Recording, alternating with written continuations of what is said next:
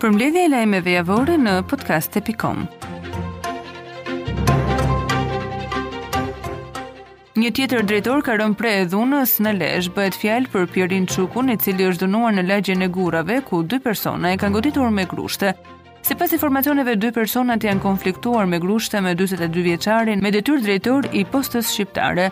Grupi hetimor në drejtimin e prokurorisë po punon për zbardhjen e motiveve të ngjarjes, identifikimin dhe kapjen e autorëve.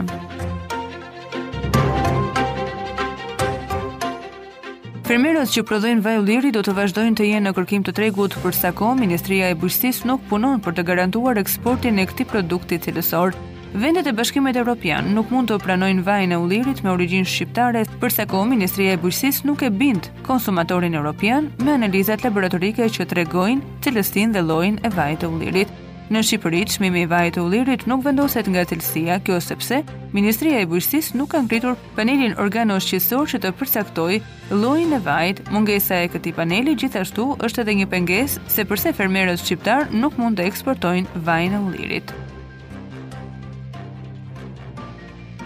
Ndër detyrat kryesore që iu dha drejtorit të përgjithshëm të policisë së shtetit Muhamet Rrumbullaku gjatë marrjes së detyrës së tij ishte gjetja e një përgjigje definitive për fatin e të shumëkërkuarit Ervis Martinaj. Kur afati 100 ditësh përfundoi, policia me urdhër të SPAK-ut zhvilloi një operacion në Fushëkuqe ku sekuestroi brenda koshereve të bletëve të vendosura pranë shtëpisë së Martinajt dhe të xhaxhallarëve të tij armë, qindra municione dhe sende të paligjshme për të cilat nuk ka asnjë të arrestuar dhe këto nuk kanë dhënë asnjë përgjigje apo indicie për fatin e Martinajt.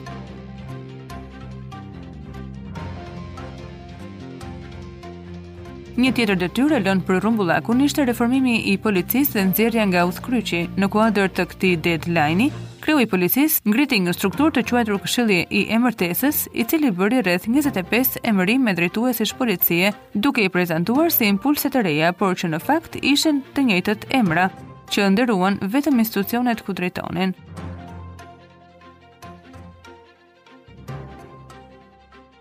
Procesi për vrasjen e mjekut Pjerin Xhuvani gjatë fushatës zgjedhore të vitit 2021 sapo hyri në fazën e shqyrtimit gjyqësor. Në përfundim të seancës gjyqësore, avokatja Rezarta Tahiraj deklaroi Jam shumë e kënaqur që trupi gjykues vendosi të aprovojë kërkesën time për t'u krijuar si palë civile dhe bashkëshortja e viktimës. Në këtë betejë, në të cilën përfaqësoj vetëm të drejtat e familjarëve të viktimës, është e nevojshme që të verifikohet e vërteta në çdo aspekt të saj, sepse vetëm kështu mund të bëhet drejtësi e vërtetë.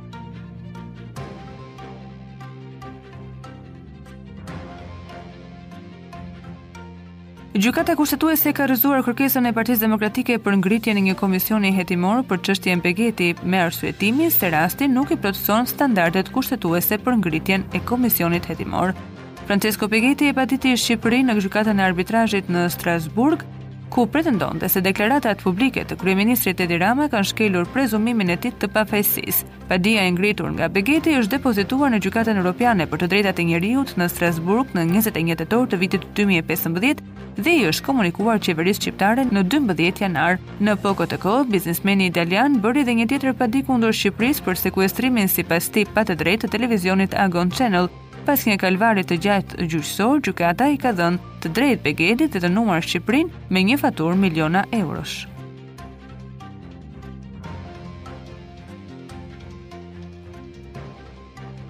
Një 39 vjeçare punonjëse e administratës publike ka rënë në prangat e policisë pasi ka mashtruar disa qytetarë duke i premtuar grante nga AZHBR në këmbim të një ryshfeti mijëra eurosh. Viola Sterio u ndalua me vendim gjykate që e la me masën arrest me burg për veprën penale mashtrim me pasoja të rënda. Nga hetimet e kryera, rezulton se në periudhën mars-nëntor 2020, nëpërmjet mashtrimit, Viola Sterio dyshohet se ka përfituar në qytetin e Korçës një shumë të konsiderueshme monetare me qëllim ndikimin e saj në institucione shtetërore. Konkretisht, prokuroria e Korçës ka marrë kallëzimin e një qytetari që pronën e tij në Voskopojë donte ta zhvillonte duke ndërtuar një hotel dhe Viola Sterion, punonjëse të AKSH në atë kohë, e cila i kishte premtuar se do të ndërhynte tek AZHBR-ja për të përfituar një grant kundrejt ryshfetit prej 57000 eurosh.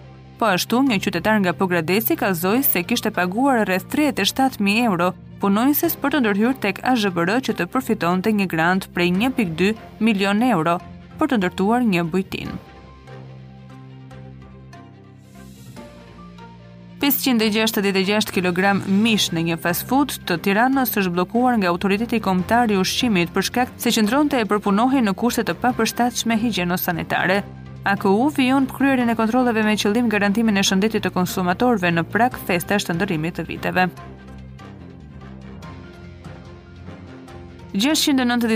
mijë pensionistë do të marrin nga 8000 lekë si ndihmë nga qeveria për të zbutur impaktin e inflacionit deri në fund të këtij dimri të vështirë.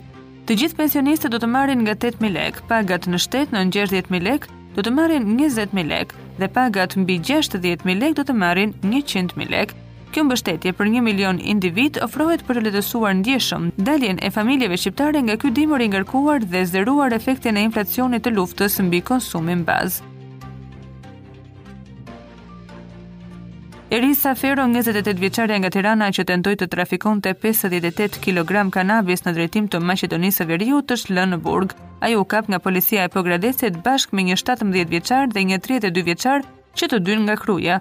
Me këtë të fundit dyshohet se kishte krijuar lidhje intime dhe ndihmonte të kalonte drogën duke përdorur kartat e saj si punonjëse ministrie për shmangie kontrollesh. Mbetet mister incidenti i ndodhur në një restorant në Shkodër ku tre persona pësuan lëndime të rënda në ezofag dhe stomak pasi konsumuan një shishe uji të ambalazhuar. Analizat e ujit që solli pasoja shëndetësore tek tre personat që konsumuan në një restorant në Shkodër nuk kanë dalë ende, por nisur nga dëmtimet e shkaktuara, mjekët dyshojnë se kemi të bëjmë me një variant acidi që nuk dihet se në çfarë rrethanash është futur në shishe. AKU ka sekuestruar të gjithë sasinë e ujit të ambalazhuar në restorant dhe në pikën e shpërndarjes në Shkodër. Ndoqët përmbledhjen e lajmeve javore në podcast.com.